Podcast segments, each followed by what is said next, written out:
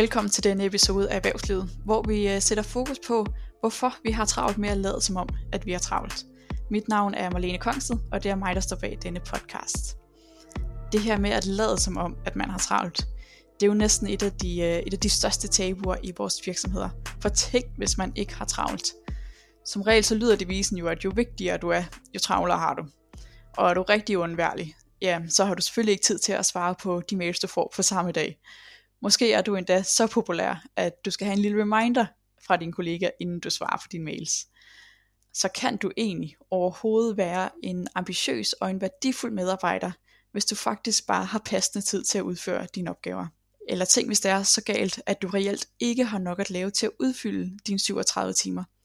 Kan du så bare gå til din leder og tro, at du vil få øh, mere arbejde med hænderne, det er langt fra sikkert, og det har i hvert fald ikke været tilfældet for, øh, for mange af dem, som, som du har snakket med, Anders Bo Jensen. Velkommen til, og, øh, og tak fordi du vil være med. Jamen tak for invitationen. Du er filosof og foredragsholder i din virksomhed Filosofen, og så er du jo den ene af forfatterne bag den fuldstændig fantastiske bog Søvduarbejde.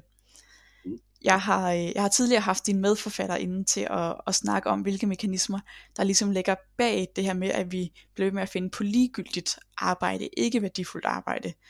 Men i dag, der skal vi øh, se på pseudoarbejde fra en lidt anden vinkel, nemlig det her med, at mange mennesker simpelthen sidder og ikke har nok arbejde til at udfylde deres 37 timer.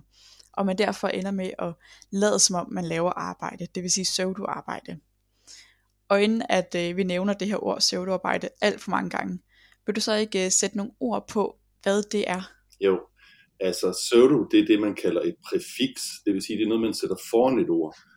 Øh, pseudo, det sætter man foran noget for at sige, at det, der kommer bagefter, det ligner noget virkeligt, men det er ikke noget virkeligt. Altså det er ligesom et fatamorgana, eller sådan noget, der, der optræder som virkeligt. Så når man sætter pseudo foran for eksempel et øh, pseudonym, det betyder et pseudonavn, så står der noget bag på bogen, der ligner et navn, men det er ikke det rigtige forfatternavn. Øh, så kan man sætte pseudo foran alt muligt. Man kan være pseudo-intellektuel, eller sådan, man lyder lidt som, men man er egentlig bare tomme tønder, der buller.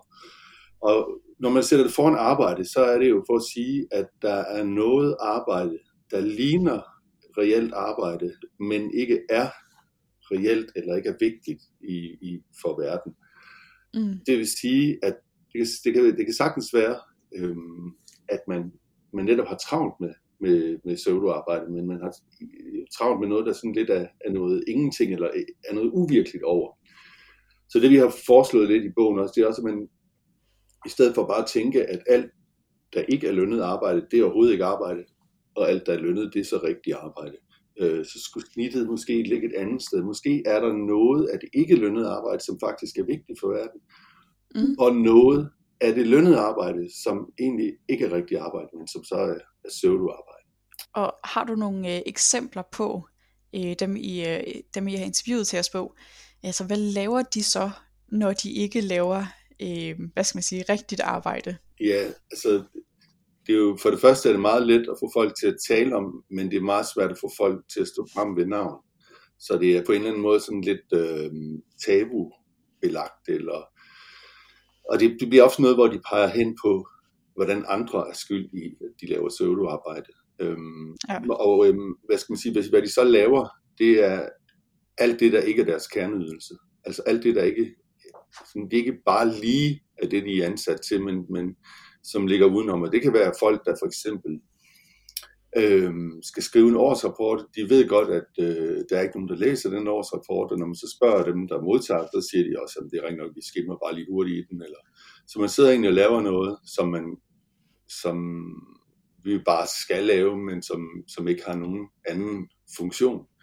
Eller øhm, det, det kan være, at man øh, hele tiden er ude i, at der kommer nye tiltag, nye fusioner, nye strategier, nye værdier osv. Så man sidder og laver noget, så bliver det lavet om året efter, og efterhånden så udvikler folk en vis apati, når de sådan har prøvet det nogle gange, at når man så bliver tingene bare lavet om. Øhm, det kan være, um, altså også hele, hvad kan man sige, pseudoarbejde kan også være overkommunikation. Altså at man, øhm, man er måske se, se på en masse mails, som man egentlig ikke har noget at gøre med, eller øhm, man sidder til, til møder, hvor man kun er relevant for et enkelt punkt, eller Ja. I det hele taget, man bare får, fordi det er blevet så let at kommunikere, så får man alt for mange, øh, man er forbundet til alt for mange, får alt for mange informationer og, og, og kommunikerer alt for meget. Det kunne også være et eksempel på det. Ja. Mm. Hvad med, altså, I, øh, I nævner også i jeres bog nogle eksempler på folk, der simpelthen bare, øh, altså simpelthen ikke har, har nok at lave, og ikke engang, hvad skal man sige, de har ikke engang ikke værdiskabende arbejde, de har simpelthen bare ikke nok at, øh, at, at få tiden til at gå med. Ja. Altså, hvad, øh, hvad laver de så? Ja, det er jo mere, øh, altså, jeg vil jo på ingen måde sige, at der ikke er mange, der har travlt.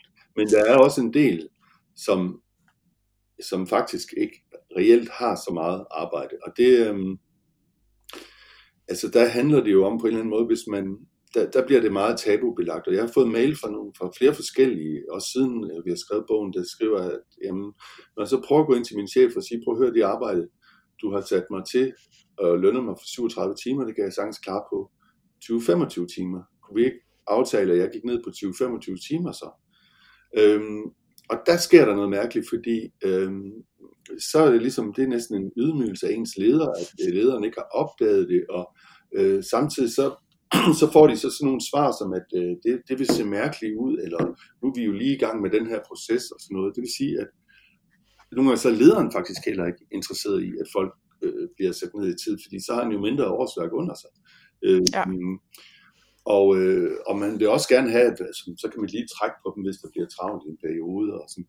Så, så det, det, det, det hører til sjældenhederne, det her med, at man faktisk går ind og siger til sin chef, at man har for lidt at lave oftere, så vil man jo kaste sig over nogle, fordi der selvfølgelig kan snige sig en, en frygt ind, Gud, er jeg så ved at blive overflødig nu, eller hvad hvis jeg er ved at blive overflødig, eller skulle ned i tid, har jeg, tjener jeg så nok.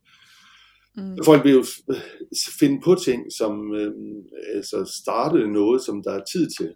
Øh, altså, man kan altid komplicere et eller andet, eller man kan altid indhente flere øh, informationer, eller øh, hæve sikkerhedsniveauet, eller finpudse et eller andet. Så der bliver sat, som regel bliver sat nye projekter i gang, øh, som, eller nye initiativer i søen, som så involverer, at andre også får mere øh, at se til, for ligesom Ja. at man fylder sin tid ud vi kommer jo ind på i bogen den her Parkinsons lov, som, som jeg godt vil sige, det er en sandhed med modifikationer, men Parkinson, han havde studeret, hvordan at administrationen i det britiske flåde steg voldsomt samtidig med, at det blev mindre og mindre at lave for flåden.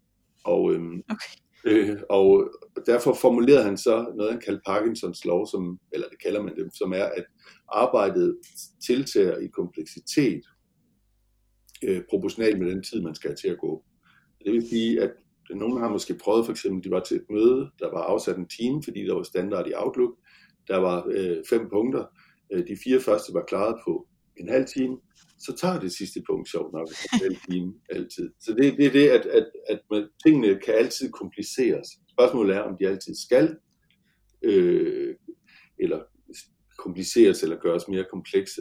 Det er selvfølgelig ja. sandhed med modifikationer. Ikke? Du kan ikke give en kirurg 10 minutter til at lave en hjerteoperation i stedet for 4 timer. Vel? Altså, det, det siger sig selv. Men der er den her tendens til, at vi begynder at, at, at lave, sætte noget i søen. Ja. Og, mange, og det, det vi sådan er særlig interesseret i, det er jo faktisk kontoret. Øh, fordi kontoret er sådan det sted, hvor det her, hvor det, bliver, hvor det er mindst øh, afgørbart, om det her det egentlig er nødvendigt eller ej. Man kan sige, hvis man, hvis man kører bus, eller om man arbejder på et slagteri, eller sådan på andre måder er i, i frontlinjen, så underviser børn, så, øh, så, så er det lidt sværere at lave pseudo, end det er på kontoret. Øh, Ja. hvor, man, hvor det er sådan mere ugennemskueligt, er det her nu nødvendigt, og så videre. Ja, Mm. så selvom det er i, i, hvad skal man sige, lidt afgrænset til kontorarbejde, kan man så sige noget andet om, om det ligesom er branchespecifikt, eller øh, sådan, altså er alle ramt, eller er det nogle brancher, der bare er hårdt ramt? Altså, vi, vi har faktisk ikke kunne se noget om, at det skulle være værre i det offentlige end i det private. Øh, Nej. Det, der, hvor der er en afgørende faktor, det er med størrelsen. Altså, jo større noget er, jo mindre er der nogen, der kan overskue det, og jo mere foregår der øh, alle mulige ting, som nogen ikke ved hvorfor, eller noget, der er sat i gang under en tidligere leder, eller sådan forskellige ting, så, så det er meget med størrelse, når i Danmark har vi jo mange små og mellemstore virksomheder, og det er kommunerne, der er de store, så derfor er der måske mere, for eksempel i kommunerne, men det er ikke fordi, de er offentlige, det er fordi, de er store. Øh, mm. Der kan man sige, sådan, der er mindre af det i små øh, virksomheder på 5-10 mand, end der er, øh, når vi når op på flere hundrede. Ja. Øhm, det kan man sige.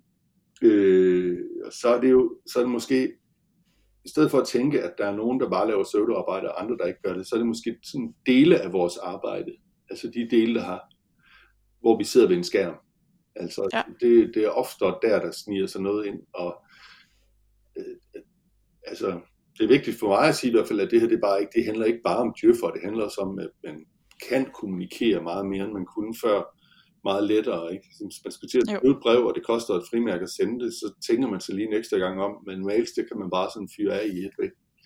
Ja, ja. Øhm, øh. Ja, og det er, jo også, øh, det er jo også det, der er sjovt. Der er jo mange ting, der, hvis nu vi går 30 år tilbage, så er der jo mange ting på vores almindelige arbejdsdag, som er blevet optimeret mange gange sidenhen, som tog meget længere tid før i tiden, men som tager meget kortere tid nu. Så hvis nu man sidder som medarbejder og ligesom godt kan se, altså jeg synes ikke, at jeg øh, har 37 timer til at udfylde min arbejdsdag, men er det så ikke mit eget ansvar at gå hen til nogle af alle de kollegaer, der øh, er vildt stresset, og sige, hvad kan jeg hjælpe med? Øhm, jo, det kommer an på, hvad du kan, fordi øh, du kunne jo også gå hjem.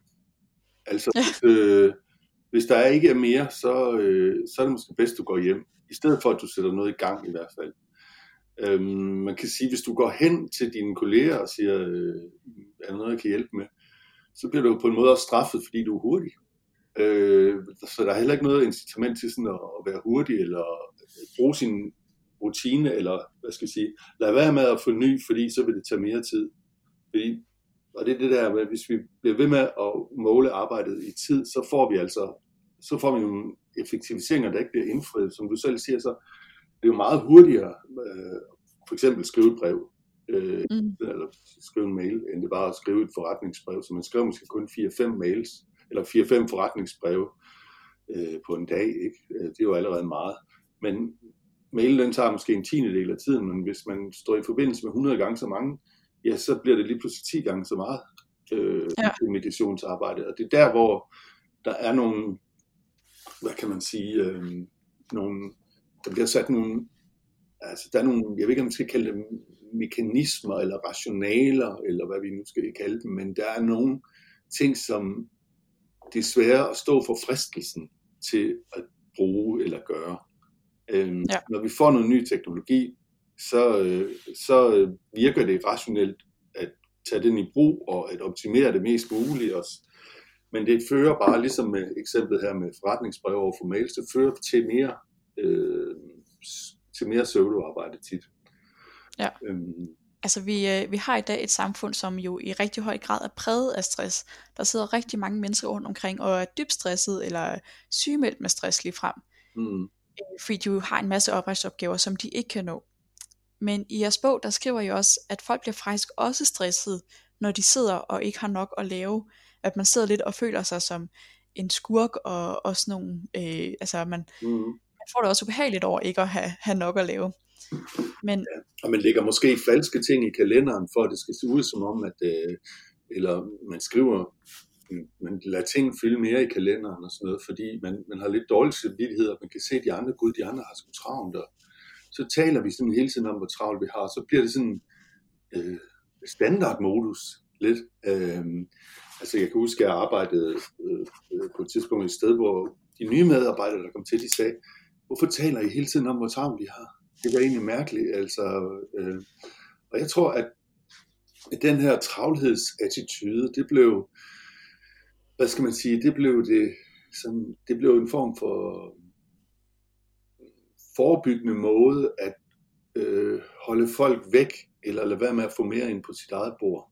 Så altså hvis man sådan gik rundt og oste lidt af travlhed og løb hen til kopimaskinen med et stykke papir i hånden, og øh, når man snakkede om kalenderen, sagde, uh, jeg er fuldstændig pakket de næste uger og måneder måske, så dels fremstår man mere vigtig, men man holder også de uønskede opgaver væk. Øh, det vil sige, at hvis nogen kommer i, og siger, kunne du hjælpe med det her, eller kunne det her være noget for dig, eller kunne du lige tage det her, så kan man sige, at jeg er simpelthen så travlt. Og ja. skal man nu undskylde sig med, at man er travlt? Det er jo nok fordi, at ordren og nejet er ved at forsvinde til fordel for en positiv kultur, hvor der faktisk kun er ja eller likes, eller hvad, hvad man nu vil, men sådan noget, ja, det er også fedt, og nej, hvor er arbejdet sjov, og nej, hvor alle opgaverne skægge, og ej, hvor er de udfordrende og spændende, og sådan noget, og den, der siger noget andet, falder sådan helt lidt udenfor, eller bliver sådan grus i maskineriet, eller en, hvad man kalder en spilfadærber, en, der, en der, der, der ødelægger spillet. Og øh, når vi så har fået sådan en ja-kultur, hvor man så skal rende rundt og synes, at alting er både sjovt og udfordrende og spændende, så øh, kan det jo være svært at sige nej til ting, at sige, nej, det interesserer mig faktisk ikke, eller ej, det, øh, det, det er faktisk ikke øh, interesseret i, eller det er jeg ikke øh, god til. Man kan måske godt sige det der med det, men det kan jeg ikke finde ud af, men det kan man jo ikke sige hele tiden. Mm-hmm. At, når nejet så begynder at forsvinde, så tror jeg, at travlhed, travlhedsattituden, den kommer ind som sådan en præventiv akt over for at, at holde det væk, man ikke, man ikke ønsker på sit bord. Så hvis vi skulle forklare de der nye ansatte, hvorfor, hvorfor, hvorfor taler jeg hele tiden så meget om, vi har travlt, så, så er vi jo i gang med at sige, at vi, vi er i gang med at holde muligheden åben for et nej. Øh, ja. Det er derfor, vi, vi, vi oser og, og løber rundt og sådan noget. Øhm, så jeg tror også, man skal se det i forhold til sammenhæng med det her med, at nej forsvinder, og så sker der jo samtidig det, at for det første bliver det sværere at finde ud af, hvis man har den her travlhedsattitude. Hvem har egentlig reelt travl, og hvem har ikke så reelt travl? Men man begynder også at bilde hinanden det lidt ind, og begynder også selv at tro på det, at man faktisk øh, er stresset. Og hermed vil jeg ikke sige, at nogen ikke reelt er stresset, men det, det er bare med til at virke til, at flere føler sig stresset, at vi hele tiden går rundt og taler om det.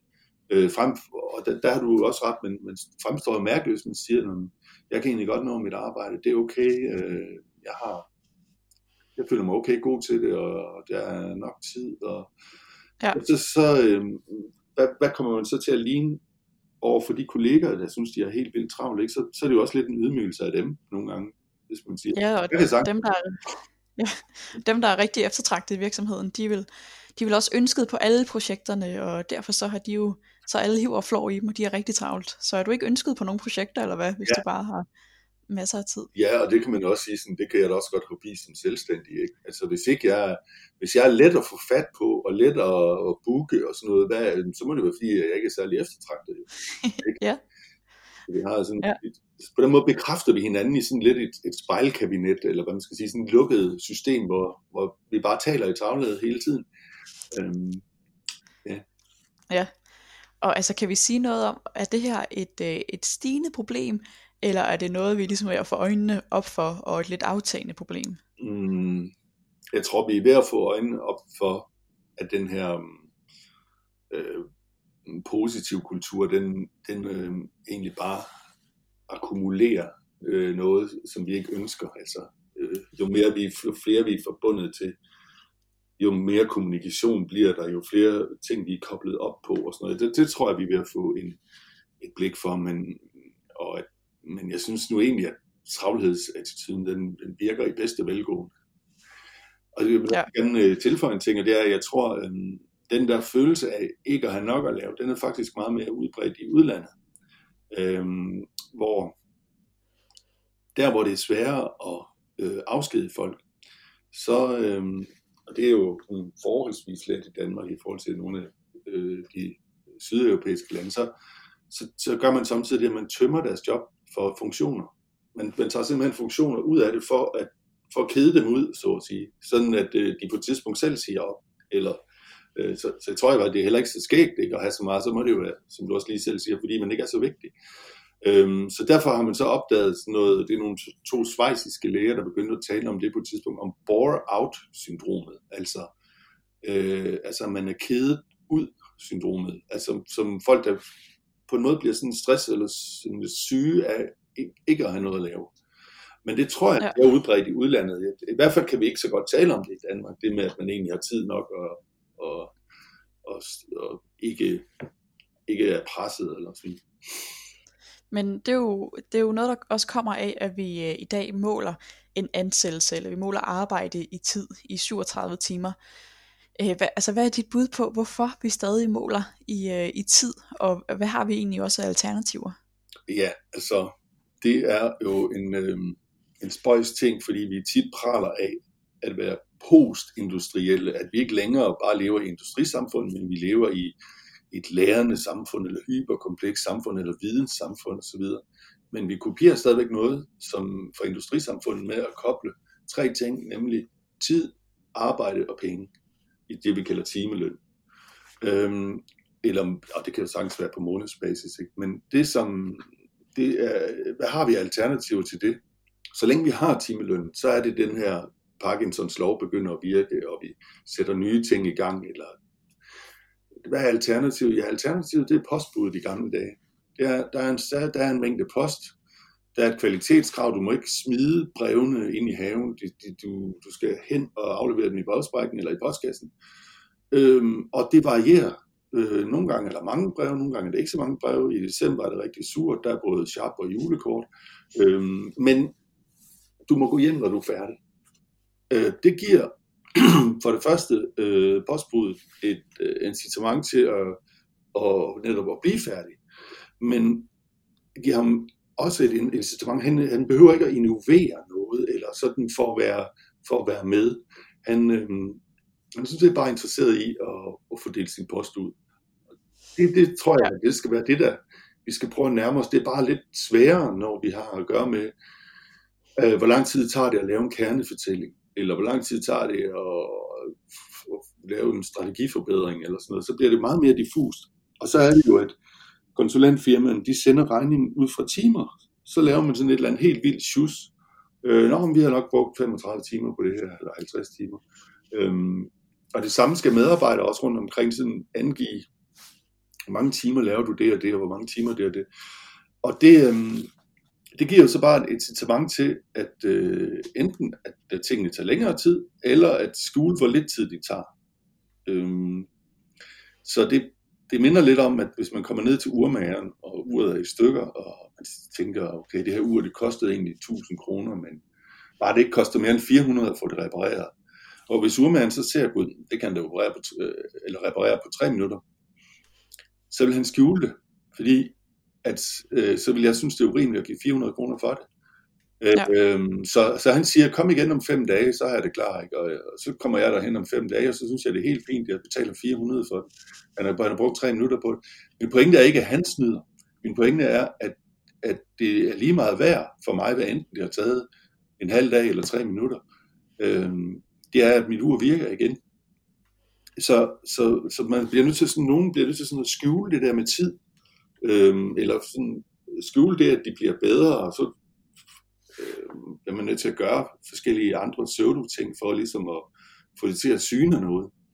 Og det er jo sådan den her øh, blanding af, at det er fint at have travlt, og det er også fint at bruge rigtig meget tid og arbejde rigtig længe. Det, det er åbenbart ikke så fint at være at sige, Nå, men jeg, er, jeg er god til mit arbejde, så jeg er hurtig, så jeg går hjem nu, hej hej.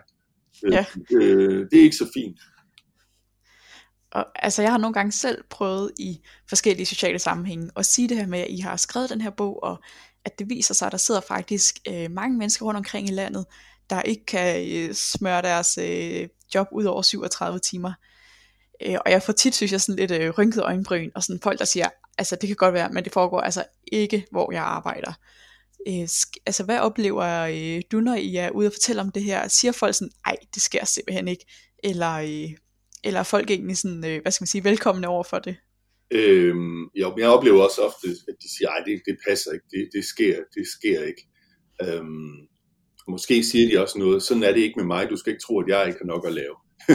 men, men jeg får jo en del mails, der, så, så folk vil godt, dem der ikke har nok at lave, de vil i hvert fald godt skrive det anonymt, men de vil selvfølgelig ikke udstille sig selv eller deres leder eller deres kolleger. Så, øh, så de findes helt sikkert, men oftere findes det, at grunden til, at du har travlt, det er fordi, at der så er en, en bunke pseudo. Hvis man kunne tage det bunke pseudoarbejde væk, så ville du måske kun have 25 timers job, så du kan godt have travlt, samtidig med, at du har pseudoarbejde. Øhm, ja. Jeg må faktisk sige, at dem, der ikke har nok, det er måske faktisk, fordi de nogle gange lader være med at gå med på øh, øh, nogle af de nye projekter, eller hvad det nu måtte være, så bare egentlig holder sig til at gentage deres deres kerneopgave. Ja, så det virker også lidt som om, at I er, I er en eller anden form for ventil over for folk, der oplever det her, men ikke rigtig kan snakke om det med venner, eller partneren, eller kollegaerne. Ja. Så de, så de kommer til jer. Ja, det er okay, det her, eller sådan. Øh, og det har faktisk også nogen, vi har jo interviewet forfattere til øh, udenlandske bøger, der ligner lidt for eksempel en svensk bog, der hedder Empty Labor, øh, og øh, også en, en, en svensk forfatter, der skrev en bog, der hedder The Triumph of Emptiness, altså tomhedens triumf. Og de beretter om noget, nogle lignende fænomener, at når de har skrevet og prøvet at afsløre, hvor bullshit, øh, eller hvor, hvor, sådan, hvor oppumpet alt muligt er, så kommer der faktisk mange mails tiggende ind, puha, det var godt nok dejligt, du lige øh, sagde det. Men det er klart, at vi kan måske sige det, fordi at vi er kun hyret, eller vi, vi, vi har ikke en arbejdsgiver. Øh, mm. Men det kan man måske ikke inde i virksomheden. Der er ikke nogen, man spænder lidt ben for sig selv, eller der er ikke nogen incitamenter til, eller hvis, hvis ledelsen siger, jamen, nu skal vi lige have et nyt øh, strategiseminar om det og det, så er der ikke rigtig noget, der er ikke noget at vinde ved at sige, ej, det synes jeg godt nok ikke, vi skal, eller hvor, hvorfor, det, det, det, havde vi også for to år siden, det hjalp ikke noget. Eller sådan, så der mangler, ja. det, man, man, man stikker egentlig mest en kæp i hjulet på sig selv, hvis man, hvis man prøver at minimere soloarbejde. Og der må der jo, der har der hvor, der er den svære opgave, vi står overfor nu, det er jo sådan lidt at få det aftabuiseret, altså sådan, at man godt kan tale om det og sige, øh, når man, når man synes noget virker søvdearbejde, så kan, det, så kan det være, at nogen kan forklare, hvorfor det ikke er søvdearbejde. Altså, men hvis man selv skriver den der rapport, som ingen læser, øhm, jamen, så kunne det måske være rart, hvis man kunne sige det højt, ikke? Hey, jeg tror ikke, der er nogen, der læser det her. Øh, eller, det er jo faktisk ikke vigtigt. Øhm, ja. Men at, altså, oplever I, at der er nogen, øh, hvad skal man sige, der, der ligesom er nogle aktører i samfundet, der ikke er interesseret i, at det her, det ligesom kommer ud? Eller er det noget, som, øh, som folk faktisk øh, synes er, er så fint, at vi ligesom får snakket om? Oplever i det offentlige, at det er i højere grad medarbejderne, der gerne vil snakke om det, men at ledelsen holder sig lidt tilbage. Så når vi, øh, vi har været ude ved en del, øh, det har jeg også alene øh, været ude ved en del fagforeninger og snakke, så vil medarbejderne, de vil enormt gerne snakke om det her, fordi det, altså meningen er taget ud af deres arbejde, når de, de kom der for at lave kerneydelsen, men de laver alt muligt andet. Det vil de enormt gerne snakke om, men ledelseslaget i det offentlige har en fornemmelse af, at vil ikke så gerne tale om det. Øhm, øh, okay. Øh, de øh, lederne, når de er med, så øh, enten protesterer de lidt, eller øh, øh, siger, det kan ikke passe, eller sådan. Øh, eller så, så er de bare ikke så inviterende. Der er ofte, hvis det endelig skal være, så er der ofte ledelseslaget i det private, der øh, måske ser det her som en måde, de kan spare på. Eller, men for mig handler det rigtig meget om, at det, øhm, det er ikke bare spilder penge, det er også, øh, det er også med til at udhule meningen med ens arbejde. At man ikke, øh, altså, at man skal lave alt muligt øh, andet end det, der det, der er ens kerneydelse. Ja. Øhm, altså tror du det her det kan være øh, nogen sådan god politisk sag? Altså er der noget øh, er der nogen fordel for nogle politikere for ligesom at gå ind i det her og vi gør noget fra politisk side, eller er det her noget der skal løses mellem medarbejdere og virksomheder? Ja, øh, det er ikke nyt, at der har været forskellige tiltag før også Mette Frederiksen begyndte at tale om, om pseudoarbejde. Øh, fordi hun havde taget det til sig, undervisningsministeren også taget noget af det til sig, for eksempel det her med, at, at øh, uddannelsesinstitutioner hedder noget helt mærkeligt, som slet ikke har noget med uddannelsen at gøre, og sådan noget, fordi det er så oppumpet. Øhm, men så det er ikke nyt, at, at politikerne gerne vil gøre noget ved det. Øhm, man kan sige, det er måske nyt, at de så mere adresserer det som øh, pseudoarbejde, men jeg tror, at det offentlige kan mest, eller, eller politikerne mest gør noget i forhold til det offentlige.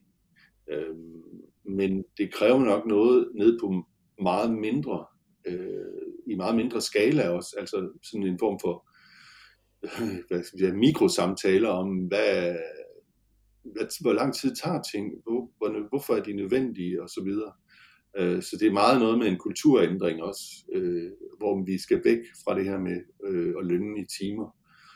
Øhm, og altså, jo, det offentlige kan også gøre noget på et andet punkt, fordi, eller politikerne kan gøre noget på et andet punkt, fordi der, hvor det offentlige begynder at konkurrere med sig selv, der kommer der også enormt meget spild Altså der har været en, en lang udliciteringsbølge, som handler om, øh, at, øh, at staten den laver noget forfærdeligt, tænkte man efter 2. verdenskrig. Og så har der været en bølge sådan i 70'erne, især i 80'erne og 90'erne, hvor vi har lagt ting ud til konkurrence. Nu skal, nu, hvis, så bliver det fornuftigt, hvis der er firmaer, der konkurrerer om det her. Men, men problemet er bare, at det offentlige begynder også at bruge rigtig mange ressourcer på at konkurrere med sig selv. Så for eksempel så øh, skal det ene gymnasium brande sig i forhold til det andet gymnasium, fordi de, de, øh, de bliver lønnet, eller de får penge efter, hvor mange elever de har. Det kan også være, at de sagde, at vi har plads til, til 100 her øh, på den her årgang, eller til 300, eller hvad det nu er.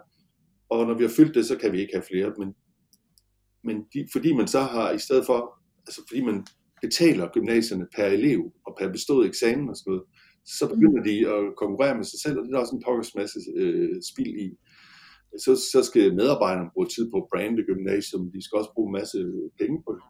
Og der, der tænker jeg, at der er også noget, som man fra politisk hold godt kunne ændre på, ligesom man også skal ændre på brugen af kommunikationskonsulenter i det offentlige og sådan noget. Altså hvorfor, hvorfor skal der være fire ansatte til kommunikation på politistationen i Roskilde? Det synes jeg, det synes jeg lyder meget. Øhm, så, så noget kan de jo gøre, politikerne, men der er meget, der handler om en kulturændring øh, mellem altså måden vi taler om arbejdet på, og, og øh, det her med, at det, det ligesom er cool at have travlt frem for at være hurtig ja. og rutineret. Ja, så her til sidst kan du så liste nogle, øh, nogle gode konkrete øh, initiativer, man kan gøre, enten som medarbejder eller som virksomhed, hvis nu at man enten gerne vil tage temperaturen på, altså sker det her i, øh, i vores virksomhed, eller hvis man oplever det og tænker, det her det bliver vi altså nødt til at gøre noget ved. Hvad kan vi gøre? Ja, altså man kan jo begynde at indføre begrebet pseudoarbejde, så man ligesom har det at pege med, eller, sådan, eller samlingsbegreb for noget. Øhm, man kunne måske, kan man jo godt spørge medarbejderne anonymt, om de synes, der er søvnarbejde og så videre, så få på at kortlægge, hvor stor en kilde til frustration, eller lille en kilde det er måske. Øhm, hvis vi tager det sådan helt ned på medarbejderplan, så altså op på ledelsesplan, så, skal man, så tror jeg, man skal huske, at man har mere rådrum, end man tror. Man kan gøre, man har, jeg har større råd, man, end man tror, også til at, at lade være med at gøre noget. Altså lade være med at gå ind i den fristelse, det er til at få noget nyt, eller sætte noget nyt i søen, eller så videre. Man kan lade være med at fylde tiden ud, hvis, øh, hvis det ikke tager så lang tid. Så det kan jeg godt forstå, at at øh, der er nogen, de overgår ikke at komme hjem til deres familie, eller øh, det ser mærkeligt ud. Men så må man bruge, så er det måske bedre, at man bruger tingene til de personlige øh, sysler, altså give sig til at læse en roman eller noget andet, i stedet for at sætte et nyt projekt i gang. Ja, det er vel også en del af den her perfekthedskultur, at der må ikke være nogen, der kan komme og sætte en, en finger på et eller andet, der er uperfekt. Ja, eller sådan, så der, der opstår meget øh, soloarbejde også af at holde sin ryg fri. Ikke? Altså så jo. laver man en, en stresspolitik, øh, fordi så hvis der er nogen, der går ned med stress, så har man den, så, så er det i hvert fald ikke min skyld længere, at øh, så fordi stresspolitikken ikke virker eller sådan noget. Ja, og det kan jo være, at de gik ned med stress over at skulle lave den politik. Altså, ja, ja, det er jo... ja. ja. ja. Men man skal i hvert fald huske på, at man har mere råderum, end man tror. Ja, mm. perfekt. Tusind tak, fordi du ville øh, være med, Anders. Det var fedt, at du lige ville øh, ja. fortælle os lidt om, hvad vi, hvad vi faktisk kan gøre ved det her fænomen, og hvad det er for noget. Tak fordi du lyttede med til denne episode af Erhvervslivet. Hvis du har et emne, du godt kunne tænke dig at blive klogere på, så hører jeg meget gerne fra dig. Du kan enten skrive til mig på marlenekongsted.outlook.dk eller du kan altid skrive til mig på LinkedIn. Og så håber jeg bare, at vi høres ved i næste afsnit.